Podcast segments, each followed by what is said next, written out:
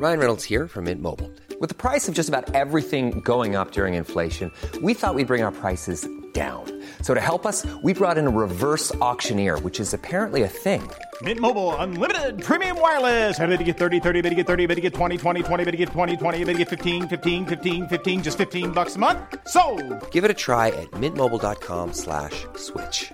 $45 upfront for three months plus taxes and fees. Promo for new customers for limited time. Unlimited more than 40 gigabytes per month. Slows. Full terms at mintmobile.com.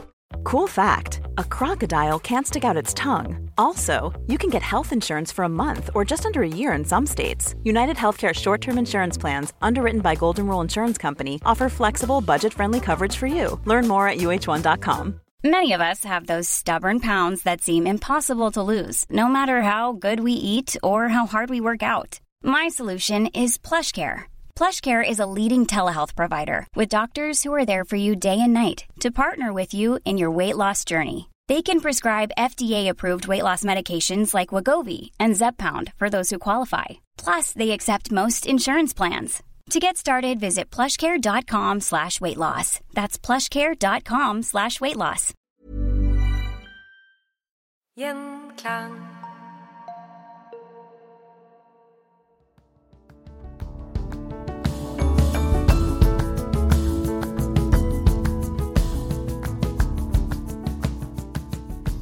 I denne episoden skal det handle om en mann som eh, noen av oss har et eh, forhold til fra før av, nemlig journalisten og forfatteren Sven Elvestad. Og Hvis du ikke umiddelbart nikker gjenkjenner når jeg sier navnet hans, så skjønner du kanskje hvem jeg snakker om når jeg nevner synonymet han ofte brukte når han skrev sine kriminalromaner. Stein Riverton. Skaperen av den legendariske Oslo-detektiven Knut Gribb. Mannen den norske Riverton-klubben har fått sitt navn etter. Og når det skal handle om krim, hva vil ikke da mer naturlig enn å ønske kollega og primus motor for Gjenklangs true crime-podkast Kriminalkrøniken, Marianne Moe, velkommen til Historie som endret Norge. Tusen takk for det. Sven Elvestad ble av mange beskrevet som et av de største talenter norsk presse har fostra. Hva var det egentlig som gjorde han så spesiell? Altså Først og fremst så var jo han en ordkunstner eh, av de sjeldne. Som journalist så kunne han være veldig vittig. Noen ganger så var han beint ut ondskapsfull, men han skrev alltid veldig fengslende. Ja. Altså Han engasjerte leserne sine, og det var nok der magien lå, i den måten han eh, brukte språket og, og fortalte historiene sine på. Han er jo også en av våre mest sagnomsuste journalister og forfattere, tror jeg jeg trygt kan si. Og, og det er jo egentlig ikke så rart, da, for eh, han hadde jo alt annet enn et vanlig A4-liv. Han bodde store deler av livet i utlandet, og eh, han ble jo annet kjent da for disse fantastiske reisebrevene som han sendte hjem. og han hadde noen helt glitrende portrettintervjuer. så han var i en klasse for seg. Men det, det er likevel de krim, kriminallitteraturen som vi forbinder han med, med i dag. Ja, det er jo det. Og det har jo kanskje nettopp uh, Riverton-klubben og Riverton-prisen uh, litt med det å gjøre. Det, for den minner jo oss på, uh, bare gjennom navnet, ikke sant, på hva slags uh, fantastisk krimforfatter han var. Uh, han mestret uh, jo kunsten å holde leserne sine ganske fengslet, og så brukte han jo, som mange forfattere gjør, da, men kanskje spesielt uh, krimforfattere, en del snedige grep. Ja, hva, hva grep da? Nei, altså for eksempel det å få leseren til å gruble over hvem som er morderen. Ja. På en ja. måte engasjere de til å bli detektiv selv, ikke sant? Ja. Ved å legge ut ledetråder både hit og dit, og det er jo eh, det, og det er engasjerende, og det er veldig spennende, og han var en mester i akkurat dette. Ja, og inspirerte vel andre krimforfattere òg med denne teknikken. Ja, det er jo de som mener f.eks. at eh, Agatha Christie eh, må ha lest Elvestads Ja. 'Jernvognen' før hun skrev sin tredje bok om Hercule Poirot, 'The Murder of Roger Ackroyd'. En, eh, en krim eh, som kom ut i 1924, og den vakte jo virkelig eh, oppstuss, for å si det sånn. da. Et britisk krimmagasin de har i hvert fall antydet eh, at hun måtte ha lest Elvestad, fordi de to bruker akkurat de samme fortellergrepene. Uten at jeg skal røpe så altfor mye, da, for de som ikke har lest disse bøkene. De, de er verdt å lese. Men, men dette var altså et grep som eh, hun nærmest ble geniforklart for. Men hun brukte det altså 20 år etter at Elvestad eh, hadde brukt det. Så han var jo uten tvil nyskapende. Han var rett og slett god. Og Jernvognen, eh, som kom ut i 1909, og som han da eh, signerte med Stein Riverton, så var han rett og slett briljant. Mm. Jeg jeg, kan ikke bruke noe min- mindre ord for det. Det er et eh, fortellerteknisk mesterverk. eh, Kanskje en av verdens ypperste grøssere, og like spennende i dag som det den var den gang den kom ut for aller, aller første gang. Ja. Og så skrev han eh, mange føljetonger, stemmer ikke det? Jo. Ja. Altså Mange av eh, krimromanene til Elvestad ble jo først trykket som uh, føljetonger i dagspressen, og de fungerte jo også som et nyttig redskap for magasinet. For um, da fikk jo de folk til å fornye abonnementene sine. sant? For ingen ville jo gå glipp av slutten på dette spennet. sant?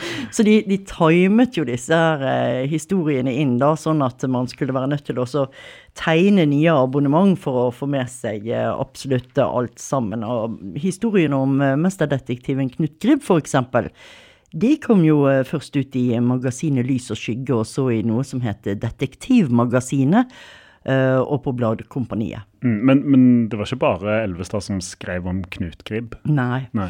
Nei, altså Knut Gribb han så jo dagens lys eh, første gang i, i 1908, og da skrev Svein Elvestad om han under et eh, pseudonym. Han elsket jo å bruke pseudonym, Ja. og eh, da brukte han Christian F. Biller. Men så ble jo det sånn da at også andre forfattere etter hvert skrev Knut Gribb-historier, og selv så må jeg si at jeg husker spesielt eh, Knut Gribb fra NRK sine hørespill. Ja. Det var jo magisk, og kanskje ikke minst også for Gunnar Staalesens eh, krimmusical, for det hadde blitt laget. Knut Gribb tar Bergenstoget.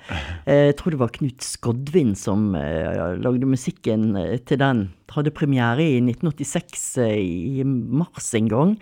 eh, På Den nasjonale scenen i Bergen, og det var, altså, det var kjempegøy, for å si det sånn. Men eh, selv om andre forfattere også har skrevet om Knut Gribb, så er jo det da Elvestad som eh, først ga liv til denne legendariske mesterdetektiven, og hvem vet? Um, kanskje så skjedde det i et uh, lystig lag ved et kafébord. Altså, vet du hva? Det sies at Elvestad ofte satt og skrev mens han var på restaurant. Ja. Og dette går det liksom uh, gjeterom i, i pressekretser, da. Du liksom ser han for deg sitte der, ikke sant, inne på restauranten mens budet som skal få teksten tilbake til avisen, står tålmodig eller utålmodig og Og venter. står og venter, ja. Nei, det er et fint bilde. ja. Men men vet vi noe om liksom, hvor han da henta inspirasjonen sin fra? Fantes det en virkelighetens Knut Grip? Ja, det er det mange som har lurt på. Ja. Det er liksom eh, spørsmålet som eh, kriminallitteraturinteresserte har vært opptatt av eh, til alle tider. Og svaret, det er vel kanskje at denne karakteren er sammensatt av flere. Men i Nordisk kriminalkrønike, som jeg jobber med eh, til daglig, da, så har forfatteren Jørn Christian Jørgensen skrevet en historie hvor konklusjonen er at politioverbetjent Mikkel Rønning antagelig er den av de som i aller størst grad har vært med på å danne mønsteret for de aller første Knut Gribb-fortellingene. Hvem var han, da? Mikkel Rønning, Ja. han, han var en fattiggutt fattig gutt fra Hedmarken. Ja. Uh, som endte i Kristiania, hvor han uh, etter hvert begynte å jobbe i politiet, og hvor han da gikk alle gradene. ikke sant? Til slutt så jobbet han i det som den gangen het Oppdagelsesavdelingen, og det kan vi, kan vi kanskje best sammenligne det med kriminalpolitiet i dag. Eh, Han var jo en sjelden dyktig politimann, så dermed så fikk han også ofte de vanskeligste sakene i fanget. Det er belønningen man får for å være flink, for å si det sånn. så ofte så ble han sendt ut til saker som eh, skjedde mange andre steder i landet også, og på en måte så ble vel det arbeidet hans forløperen, om vi kan si det sånn, til eh, det som vi kjenner som kriminalteknisk åstedsgruppe, mordkommisjonen, Kripos. Ikke sant? Altså, ja. Men han jobbet jo ikke bare med drap. Um, han løste jo også andre mysterier, uh, som eksempel det om postfullmektig knapp i 1890-årene. Det vil du kanskje høre om? Ja. Postfullmektig knapp, skjønner du. Um, han hadde tatt penger ut fra en blombert postsekk, og så hadde han vært snedig nok til å legge jord i denne sekken og beholdt pengene selv. Men her viste jo da Rønning en sans for detaljer som er bare en sånn skikkelig sånn Inspektor Snusen-detaljer, ikke sant? Så han, han vant jo eh, frem og, og klarte jo å, og, å få um, hektet knapp, for å si det sånn. da, Og den sekken den tror jeg faktisk også den dag i dag er å se på Politimuseet i Oslo. Ja. Um, så Mikkel Rønning han er nok kanskje det nærmeste vi kommer en virkelighetens Knut Gribb. Men, men eh, og eh, tilbake holdt på å si til, til Sven Elvestad. Hvem, hvem var han, da? Hva, hva bakgrunn hadde, hadde han? Han uh, ble født i uh, september, 20. september 1884 på Banken i Halden, og vi kan vel trygt si at han vokste opp under harde kår. Faren hans, Karl Edvin Svendsen, var styrmann, og moren hans, Adolfine Helene, var født Elvestad, så der er det det navnet kommer fra. Mm. Hun fikk to sønner og to døtre, men så skjedde jo det tragiske da i år 1900. Og dette var noe som kom til å få store konsekvenser eh, for hele familien. For i mars det året så omkommer eh, faren på sjøen. Og da måtte jo Sven ut og tjene penger og bidra til at familien fikk eh, mat på bordet. Og det gjorde han som visergutt, eller det vi i Bergen kaller løpegutt. Så han var altså et bud da, som var ansatt i en butikk, og som brakte varene ut til kundene. Og den første førstejobben han fikk, det var hos en smøragent som het eh, Carl Nilsen og holdt til i Adelsgata. Mm. Men, men, det må jo ha vært tøft å miste faren så ung. Det må ja. jo ha preget han? Ja, det preget han. Det er ingen tvil om at uh, farens død gikk ganske hardt inn på han. Forfatter uh, Bernt Rugtvedt, som har skrevet biografi om Sven Elvestad, han forteller om uh, hvordan farens forsvinning i sjøen rett og slett preget han gjennom hele livet. Mm. Hver eneste natt så fikk han mareritt. Og dette blir jo bare verre og verre med årene, så det måtte han døyve på en måte. Mm. ikke sant? Og uh, det gjorde han bl.a. med alkohol. Mm. Men hvordan ender han opp som journalist, da?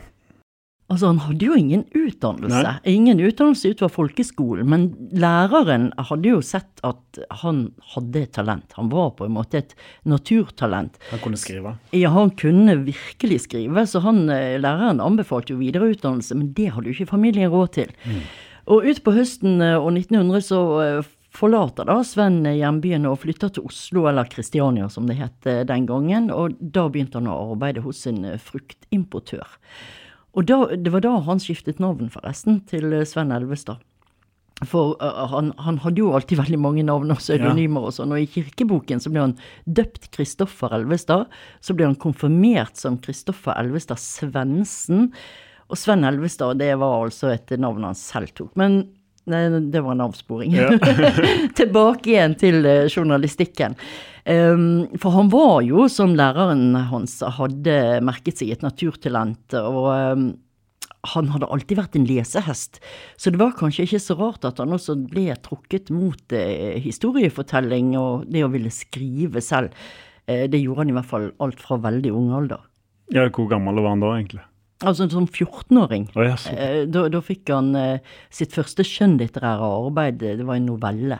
Oi på trykk i avisen Fredriksten, og det må jo sies å være imponerende. Ja, ja. Altså Seinere da, så begynte han jo bare å levere eh, små artikler om forskjellige lokale saker til den samme avisen, da. Men eh, etter at han flyttet til Kristiania, så fungerte han også et par år som Fredrikstens Kristiania-korrespondent. Og samtidig så var han også eh, Ja, han skrev jo eh, så blekket sprutet, for å si det sånn. Altså, han leverte jo eh, stoff til flere av hovedstadsavisene. Og etter hvert da så ble dette så mye at han klarte å leve av det å, skrive. Så han gjorde seg tidlig bemerket, og ikke minst i 1902. Da skrev han om det såkalte Skjeberg-mysteriet, og da ble han landskjent. Selv om noen mener at det kanskje ikke var helt sånn, så uh, forteller historien at uh, denne teksten hans faktisk ble avgjørende for at uh, hele mysteriet og saken ble løst. Men Skjeberg-mysteriet, da, det må vi høre mer om. Hva, hva, sak var det? Ja, Det kan jeg love deg. Altså, det var en sak som fikk mye oppmerksomhet, og det førte til mye folkesnakk. Mm. det var rett og slett et klassisk trekantdrama, som da selvfølgelig fikk en veldig tragisk slutt. Det var en vårdag i 1902. Det var eh, like ved den eh, fredelige Karlsøy i Skjeberglien i Østfold at en ung fisker som het Julius Olsen Bjerknes, ble brutalt eh, drept. Han ble skutt ned mens han var ute på sjøen. Mm. Det er jo litt spesielt i seg selv, da, for skuddet det hadde da blitt avfyrt fra land. Oh, ja. Og så kommer da eh, denne sensasjonen, da. Eh, det som har gjort Skjeberg-mysteriet til noe kan vi si at det er ganske spesielt i norsk kriminalhistorie. For Fredrikshall-bladet Fredrik Steen de trykket detaljerte skildringer av hvordan mordet kunne ha eh, blitt begått. Mm. Og gjerningsmannen mente at artikkelet som han eh, leste i avisen, var så nær opp mot sannheten om det som hadde skjedd, at det måtte ha vært øyenvitner til drapet. Og hvis det var sånn, så kunne jo ikke han nekte lenger. altså Han brøt jo da sammen og tilsto. Ja, og dette øyenvitnet, det var Elvestad? Eh, nei, altså han hadde jo ikke vært der og nei. sett det skje. Men lensmann Pedersen i Skjeberg, han hadde holdt en åstedsbefaring på Karlsøy. Ja. Og uh, der, vet du, der var den unge journalisten Elvestad på plass. Så han diltet jo en stund, og så hørte han da på lensmann og sorenskriverfullmektigen, og de diskuterte og kom frem med sine teorier om det som hadde skjedd, ja. men så mistet han jo interessen etter en stund, og så begynte han å snuse rundt på egen hånd. Ja. Uh, og det var da han fant noe. Han fant to uh, fotavtrykk i uh, Julius Bjerknes lille potetåker. Og de mm. var avsatt sånn at det så ut som at noen hadde hoppet ned fra skrenten og landet der. sånn at det Godt plantet ned. Så han begynte jo å snuse videre, og så kom han over flere spor. og det var eh, flere fotavtrykk eh, ovenfor, ikke sant. Og dette her ledet jo han da i en eh, bestemt retning, kan vi si, da. Um, men han fortalte ikke om det. Vil, til politiet? Nei, nei. For han ville jo bruke disse funnene som den journalisten han var, ikke sant, til det beste for seg selv. Så han sa absolutt ingenting. Men tilbake i Fredrikshall så satt jo han seg ved skrivemaskinen og hamret løse stoff til eh, flere aviser, både lokale og, og aviser da i hovedstaden. Og rekonstruerte da denne tragedien slik han mente at den hadde foregått. Og etter hans konklusjon så kunne det jo ikke finnes andre enn eh, den gamle fiskeren da, eh, som hadde motiver, og som kunne være morderen. Ja, og det stemte, eller hva var det egentlig som hadde skjedd, da? Um, denne fiskeren, Severin Melleby, han var i 60-årene, og han hadde i lengre tid hatt et forhold til uh, Julius Bjerknes 28 år gamle kone. Mm. Hun uh, og han, de to hadde truffet hverandre for aller første gang under et selskap. Det var en ganske kald kveld i februar 1901. Og aldersforskjellen var jo ganske stor. Ja. sant? Han i 60-årene, hun i 28. Men til tross for dette, så bare falt de pladask for hverandre. Han var nettopp kommet hjem fra en stor skytterfest i Stockholm, og var jo da litt av en helt, ikke sant? Ja. Uh, og dette var jo definitivt noe som hun lot seg sjarmere av, for uh, Anna, som hun het, hun hadde jo egentlig gått og lengtet hun etter noe annet enn det litt tomme traustensformige livet ute på Karlsøya. Så når Melleby da tok hun med på ja, skytebanen og imponerte mm. med ferdighetene sine, han tok henne med på teater og på fest og sånn, da var jo hun helt eh, smør, ikke sant? Ja. Smeltet smør. Men på sånne små steder så går jo ryktene fort, men det, og det tok, eh, tok ikke lang tid før, før dette kom mannen hennes for å gjøre, eller altså Nei. det, ja. det, gjorde jo ikke det. Men hun bare avfeide alt. Uh, ja, nekta. Ja, når han prøvde å ta det opp med henne, så var det bare å bare blåste han av. Og Melleby eh, på sin side, han var jo blitt så betatt av hun nå at han var jo villig til å drepe uh, for å få henne. Så tidlig en morgen så kom han roende inn mot Karlsøyen, fast bestemt på at nå skulle han kvitte seg med Julius Bjerknes en gang for alle. Så han tok børsen, kravlet opp i fjellet, men eh, når han sto klar derfor til å skyte, så ble han eh, oppdaget av lensmannen. For det viste seg at han hadde vært dum nok til å gå rundt på bygden og snakke om denne mordplanen, ikke sant? Oh, ja. til flere personer. Så da nyttet det jo ikke å nekte. Så han ble tatt med til arresten eh, og avla full tilståelse der, da. Så du kan jo tenke deg hva slags sjokk det var for lokalsamfunnet at en aldrende mann med voksne barn og kone Eh, som fremdeles levde, skulle la seg forville til den graden av lidenskap til en ung kvinne at han var villig til å gjøre seg til morder. Det var jo helt ubegripelig. Så folk mente jo rett og slett at han ikke kunne være ved sine fulle fem. Og han ble jo også innlagt til eh, en mentalundersøkelse, men ble jo da funnet å være både normal og tilregnelig. Så nå hadde jo ikke han noen annen utvei. Han måtte jo bare spille angrende synder for å slippe ut av fengselet. Så lovet han også dyrt og hellig at han skulle aldri mer antaste Julius eller konen hans. Ja, og dette, altså for, for en som da har vært eh, skytterkonge og helt i bygda, så må det være, ha vært ganske ydmykende. Ja, ikke minst, sant. Det, Ja. det at avisen skrev om dette Ja. i en veldig ironisk tone. Og, og han visste jo godt at hele bygden gikk rundt og moret seg på hans bekostning. sant? Denne kåte gamlingen som siklet etter en annen manns unge kone. Det var jo en historie som Vi kan vel trygt si at den ga opphav til både mye og, og latter. Men allikevel ikke nok til at historien stopper her, på en måte. Ja, og det var jo fordi hun, altså Anna, eh, plutselig tok kontakt med, med han igjen. For hun var jo glad i han, ikke sant, så hun klarte ikke å holde seg borte. Og dermed så fortsatte jo de å møtes eh, uten tanke på andre. Og dermed så tok det jo heller ikke lang tid før ryktene begynte å svirre igjen. Og eh, folk viste jo tydelig da hva de mente ved at de begynte å unngå hun. Men likevel så fortsatte hun forholdet til Melleby.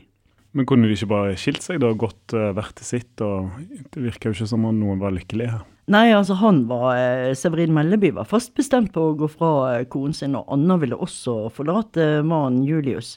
Men han ville ikke høre snakk om noe skilsmisse. Mm. og det var altså da situasjonen fram til eh, den siste dagen i april eh, 1902. For da hadde Anna og Julius eh, vært ute på fjorden og trukket fisk, og det var altså da på vei inn mot Bryggen at han da blir truffet i hodet av et skudd som dreper han momentant. Og det som skjedde så, var jo at Anna hun var jo helt i sjokk. Dette hadde kommet helt uforberedt på hun, så hun fikk eh, rodd båten inn mot land, Ja. og løp da i full panikk opp eh, til huset. Melleby, som hadde avfyrt skuddet fra land, han løp ned til den eh, drepte og kneppet opp vesten hans og hadde skaffet en svær, tung stein som han la på brystet på liket, da. Og senket det først på grunt vann, og så eh, etterpå så tok han det ut på litt eh, dypere vann. Eh, han sørget jo for å fjerne alle blodspor fra båten og sånt først, da. Og så senket han liket på nytt, før han da sprang opp og ba hun om å holde helt tyst om det som hadde skjedd her nå. Ja, Men det, det var vel ikke noen De klarte ikke å holde det hemmelig? Nei. Eh, altså når han eh, Julius ikke var kommet hjem fra fiske etter et par dager, så begynte jo naboene å frykte at eh, her måtte noe ha skjedd, ikke sant? Og så begynte man å spekulere i om Melleby da hadde slått til igjen. Han blånektet i avhør og sa at han hadde absolutt ikke noe med Julius sin eh, forsvinning å gjøre. Han var ganske så forbannet på avisen og mente jo da spesielt at denne jyplingen Elvestad, som han beskrev han som, måtte stå til ansvar for de skriveriene som rett og slett hadde ødelagt hans gode navn og rykte. Men eh, politiet snakka vel med, med Anna? Ja, de gjorde jo selvfølgelig det. Hun ble arrestert 20. mai. Men eh, hun nektet også ethvert kjennskap til eh, Julius sin skjebne, og så Ja. gikk jo det en hel måned, ikke sant. De kom ingen vei i politiet, og liket var ikke blitt funnet, Nei. og det skjedde liksom ingenting. Men kanskje så var det samvittigheten som eh, hadde begynt å gnage litt på hun da, eller kanskje så var det disse avslørende artiklene i avisene som hun leste. I hvert fall så kom eh, tilståelsen den 8. juni. Severine Melleby han nektet fortsatt for å ha hatt noe som helst med Julius sin forsvinning å gjøre, og at hun tilsto, det bare fnøs han av. Han karakteriserte hele den tilståelsen som løgn og direkte vanvidd.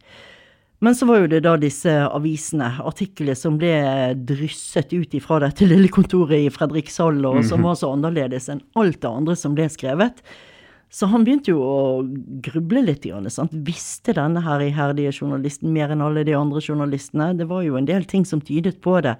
Kunne denne avismannen rett og slett ha sett det som hadde foregått? Mm. Så, men begynte da samvittigheten å begynne å gnage litt på ham òg, da? Eller? Ja, altså Han innså i hvert fall eh, etter hvert at han aldri, så lenge han eh, levde, kom til å forfri sin sjel for denne forbrytelsen som han hadde begått. da. Ja. Og derfor så eh, Ja, han brøt jo fullstendig sammen. Han mm. kastet seg jo hikstende på gråt på kne foran presten, og kom jo da med et helt uforbeholdent uh, skriftemål og tilståelse. Og så kom det jo da en formell tilståelse, og han sa seg også villig til å vise påtalemyndighetene hvor han hadde senket uh, liket. Så Anna hun eh, ble frikjent på sin side for ikke å ha vært delaktig i mordet. Men Severin Melleby han fikk da livsvarig dom, men ble sluppet fri etter tolv år pga. god oppførsel. Og i året år 1902 så ga Sven Elvestad ut en liten bok om dette dramaet, og det gjorde han anonymt. Mm. Den boken kalte han for Skjebnemysteriet, eller Severine Mellebys siste blink. Eh, og det ble altså Sven Elvestads debutbok. Ja, nettopp. Men eh, den første, men ikke den siste. For han var jo ekstremt produktiv, var han ikke det? Han var helt ekstremt produktiv. Ja. Han skrev nærmere 100 romaner. Ja.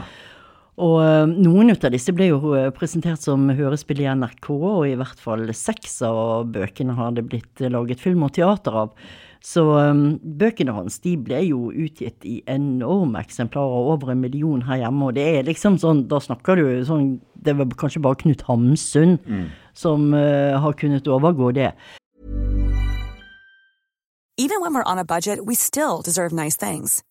Quince is a place to scoop up stunning high-end goods for 50 to 80% less than similar brands. They have buttery soft cashmere sweaters starting at $50 luxurious Italian leather bags, and so much more. Plus, Quince only works with factories that use safe, ethical, and responsible manufacturing. Get the high-end goods you'll love without the high price tag with Quince. Go to quince.com/style for free shipping and 365-day returns. Hey, it's Ryan Reynolds and I'm here with Keith, co-star of my upcoming film If, only in theaters May 17th. Do you want to tell people the big news? All right, I'll do it. Sign up now and you'll get unlimited for $15 a month in six months of Paramount Plus Essential Plan on us. Mintmobile.com slash switch. Upfront payment of $45 equivalent to $15 per month. Unlimited over 40 gigabytes per month. Face lower speeds. Videos at 480p. Active Mint customers by 531.24 get six months of Paramount Plus Essential Plan. Auto renews after six months. Offer ends May 31st, 2024. Separate Paramount Plus registration required. Terms and conditions apply if rated PG. Life is full of what-ifs. Some awesome. Like what if AI could fold your laundry? And some, well, less awesome. Like what if you have unexpected medical costs? United Healthcare can help get you covered with Health Protector Guard fixed indemnity insurance plans. They supplement your primary plan to help you manage out of pocket costs. No deductibles, no enrollment periods, and especially no more what ifs. Visit uh1.com to find the Health Protector Guard plan for you. Men også i Sverige så var jo han helt ekstremt populær. Det sies at uh, det var bare Bibelen som var mer utbredt hos Søterbror. Uh, og denne enorme suksessen som han hadde i Sverige, den uh, vil jo jeg tro også var en ganske direkte årsak til at han flyttet dit offisielt. Mm. Meldte han flytting i 1916. Og der drev han jo Jeg vet ikke om jeg kan kalle det for en skrivefabrikk. Altså ja. han, der, han bare satt og skrev i flere år. Um, og ble jo da også utgitt i all verdens land, altså Finland, Ungarn, Danmark, Tyskland. Det, de ble lest av utrolig mange i mange, mange land. Men han må ha tjent gode penger, da? Ja, ja. Ja, han gjorde jo det. I sin tid så var han eh, faktisk en av de mest leste forfatterne i Norden, så det er jo klart at pengene de rant jo inn. Men eh, dessverre så var jo han også et eh, økonomisk ødeland. Ja. Og disse honorarene de ble ofte tatt på forskudd. Så til tross for at han var eh, ekstremt produktiv, så var han i konstant gjeld, og jeg vil tro at det hadde noe med livsførselen hans å gjøre. Mm. For han levde ganske bohemsk. Så han eh, flakket rundt fra land til land, og det var jo heller ingen hemmelighet at han hadde et massivt uh, rusproblem. Um, han var vel Jeg vet ikke hvordan jeg skal si han var, han var vel det folk kalte si på flasken. Litt mm. si på flasken. Uh, han drakk rett og slett som en svamp. Ja, hvor mye, hvor mye da, vet du det? Jeg har hørt at han kunne drikke 10-15 liter vin, og gjerne også en flaske brennevin om dagen. Oi, oi, oi. Ja. og i tillegg til det da, så røykte han opp mot 120 sigaretter eh, daglig. Mm. Så um, nå var han riktignok en stor mann som tålte en del. Han var jo uh, nesten to meter uh, høy, 197 cm på sokkelesten og veide over 100 kilo. Men eh, det er jo klart at en sånn livsstil, det satte sine spor. Og et av hans eh, spesielle kjennetegn, foruten at han brukte minus 22 i briller, det var en stor rød portvinsnese som han var ganske kjent for. Ja, altså egentlig er det jo helt utrolig at han i det hele tatt klarte å skrive noe som helst dersom det stemmer at uh, han drakk og røykte så mye. Men ja, altså, han levde et bohemliv, og denne livsstilen, den uh, regner jeg med må jo ha kostet en del. Så personlig økonomi, det var vel definitivt ikke hans styrke. Nei. Og så bodde han, Du nevnte han bodde i, i flere land. da, Hva, hvor, hvor, levde han da, sånn forutenom Sverige, da, som du nevnte? Uh, han bodde en tid i Bayern, og mm. han slo seg ned i uh, Italia, i uh, en liten by som het Positano, i 1925. Der bodde han mer eller mindre fast til 1933. Og da flyttet han tilbake til Oslo. og Jeg vil jo tro at grunnen til det også kanskje handlet om økonomi. Mm, men altså, han var en stor, stor forfatter i, i Sverige, men hva var grunnen til at han dro til Italia da i utgangspunktet? Eh, jeg vil tro det at eh, han hadde funnet ut at eh, Positano var en seksualliberal italiensk by. Ja. Mange mener at han valgte å bosette seg der nettopp fordi det var lettere for han å leve ut sin seksuelle legning som homofil. Det var jo en tid dette her når seksuell omgang med menn var forbudt, og Sven Elvestad han var homofil. Mm. Men noe som ikke kanskje er like behagelig å snakke om, det er jo eh, det at det også har blitt hevdet at han etter hvert fikk dragning mot ikke bare menn, men uh, unge gutter, og gjerne veldig unge gutter. Uh, prostituerte gutter. Og disse her hintene om at han også var pedofil, de førte jo også i den senere tid til en voldsom, litt sånn ubehagelig debatt her hjemme. Ja, Hvordan da? Um, det var vel uh, i Halden da, at uh, han hadde fått uh, en plass oppkalt etter seg. Og 31.10.1999 så ble bautaen av ham, en statue som var blitt laget av Nils Aas, avduket her. Men disse spekulasjonene om at han kunne være pedofil, de førte jo til at enkelte krevde denne bautaen fjernet. Nå er det jo ikke lett å bevise om det faktisk var noe i de påstandene om pedofili i eh, biografien om han som eh, beskrives han som noe som heter eh, efebofil, tror jeg det uttales. Hva er det, da? Nei, altså det er når en voksen mann tiltrekkes av unge, men kjønnsmodne gutter. Ja. Altså ikke barn, så ungdommer.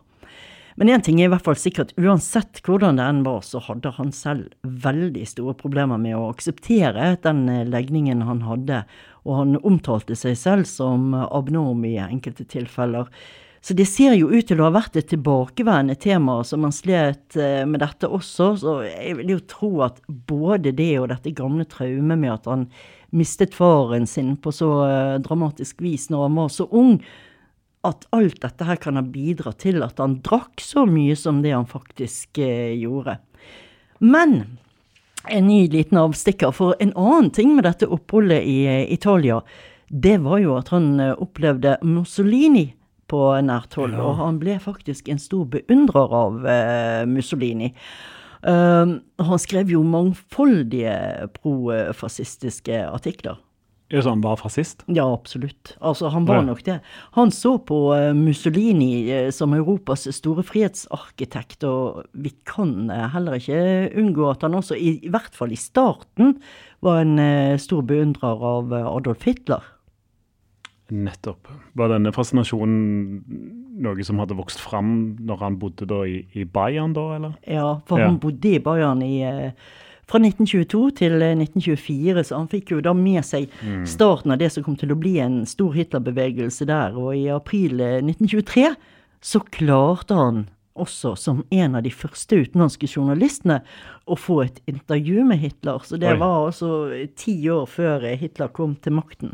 Det er jo sykt å tenke på. Ja, det er jo det, men det var jo et lite problem, da. For Elvestad, han kunne jo ikke tysk. Uh, men han var løsningsorientert. Ja. Så det han gjorde, det var jo at han uh, fikk uh, hjelp til å skrive spørsmålet på en halvdel av et ark. Og så ba han da Hitler om å skrive svarene ved siden av. Og det, og det gjorde Hitler? Ja, han gjorde Oi. det. Uh, nå skal det sies at uh, det var jo ikke akkurat et revolverintervju. de første spørsmålene de var absolutt av uh, det mer sånn koselige, hyggelige mm. slaget. Men så helt til slutt, da, så hadde Elvestad, som etter hvert hadde fått inntrykk av at Hitler kanskje kunne være en brutal mann, han stilte spørsmål om han var beredt til å ta alle midler i bruk dersom han kom til makten. Og da, vet du, da smalt det. Hva tar du meg for? Så det brølte Hitler til han, ifølge historien, da. Og Alvestad blir jo selvfølgelig helt sjokkert over denne voldsomme, brutale, eller voldsomme reaksjonen, ikke sant. Så han klarte bare å mumle fram et eller annet om man kunne få det skriftlig om han klarte å spørre om det selv, eller om han hadde tolk, jeg vet ikke, men han klarte i hvert fall å formidle det til eh, ja. Hitler, og han fikk det skriftlig. det. Med store bokstaver og utropstegn, antagelig. Ja. Så den eh, fascinasjonen hans eh, for Hitler, den den tror jeg han hadde en god stund, men så bleknet han litt etter hvert. For han så jo det at Hitler faktisk var beredt ja. til å gå til krig for eh, det ariske riket sitt. Men, men tilhenger av eh, Mussolini, det var han helt fram eh, til sin død. Mm. Ja, Når og hvordan døde han da, egentlig? Han døde ung. Ja. Han ble faktisk bare 50 år gammel. Og det er jo enda mer imponerende da å tenke på alt det han faktisk klarte å produsere ja. før han nådde den alderen. Um, det har seg sånn at han fikk et illebefiende, som de kalte det for seg, under et besøk i Skien. Han tok inn på et hotell der som het Høyers, og her ble han da 18.12.1934 funnet død på et av hotellets toaletter. Mm. Så det var ganske tragisk. Ehm, han skulle jo egentlig dagen etter reise til Palestina med et skip som het MS Bosporos, han skulle altså ut på jobbtur for å rapportere om eh, jomfruturen til dette skipet, og så skulle han senere da skildre forholdet i eh, Palestina. Så, så det, det, var en brå død, kan du si. Ja. Var det hjertet da som svikta? Altså Dødsårsaken var nok trolig slag eller, som du sier, et massivt eh, hjerteinfarkt. Så det kom jo eh, overraskende, selv om han hadde en livsførsel som tilsa at kroppen hans fikk hørt seg litt. ikke sant? Når han døde, så ble han også hedret med minneord og to minutters stillhet i eh, NRK. Det er jo ikke sånn som alle opplever. Men graven hans, som eh, man finner på Vestre gravlund i Oslo, den er bare markert med én en enkel steinhelle, og der står det Elvestad. Det er det, liksom. Kan man si at uh, Sven Elvestad har endra Norge?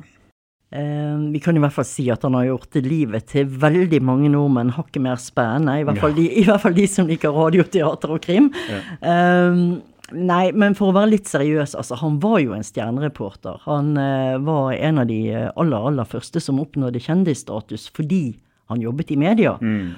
Og han var uten tvil en av Norges mest betydningsfulle kriminalforfattere. En av de største ordkunstnere Norge har hatt.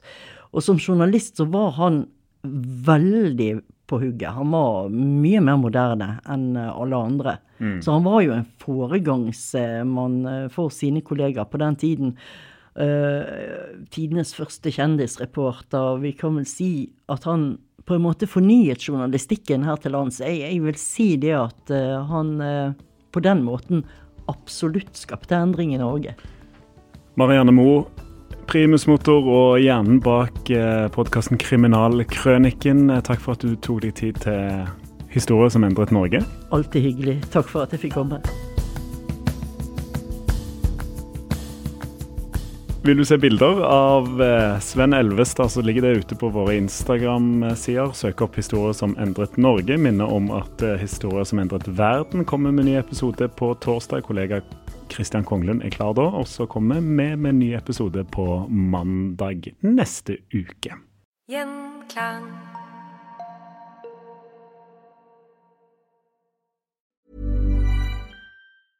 Hey, it's Paige DeSorbo from Giggly Squad. High quality fashion without the price tag. Say hello to Quince. I'm snagging high-end essentials like cozy cashmere sweaters, sleek leather jackets, fine jewelry, and so much more. With Quince being 50 to 80% less than similar brands And they partner with factories that prioritize safe, ethical, and responsible manufacturing. I love that. Luxury quality within reach. Go to quince.com slash style to get free shipping and 365 day returns on your next order. Quince.com slash style.